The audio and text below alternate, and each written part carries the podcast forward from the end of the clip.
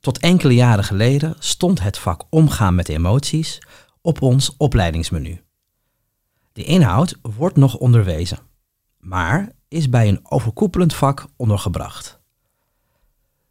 De cursus Omgaan met emoties was de opmaat naar een tentamengesprek waarin de student een klant met een complexe rechtsvraag adviseerde.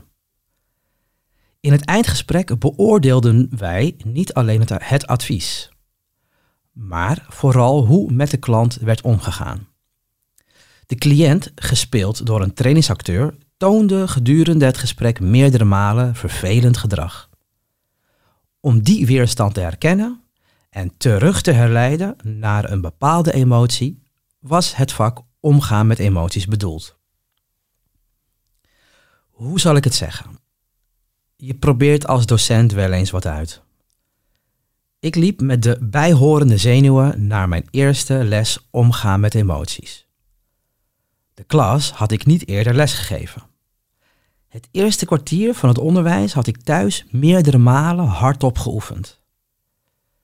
De leerlingen druppelden binnen, zoals ze bij een eerste werkgroep doen. Toen iedereen zat, stelde ik mij gehaast voor en vertelde dat ik een enorme, vervelende mededeling had.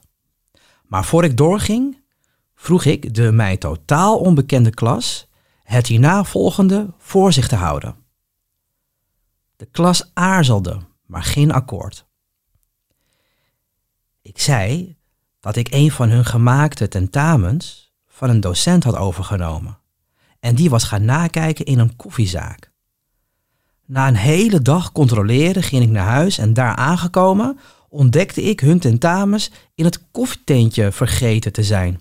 Ik rende nog terug, maar tevergeefs.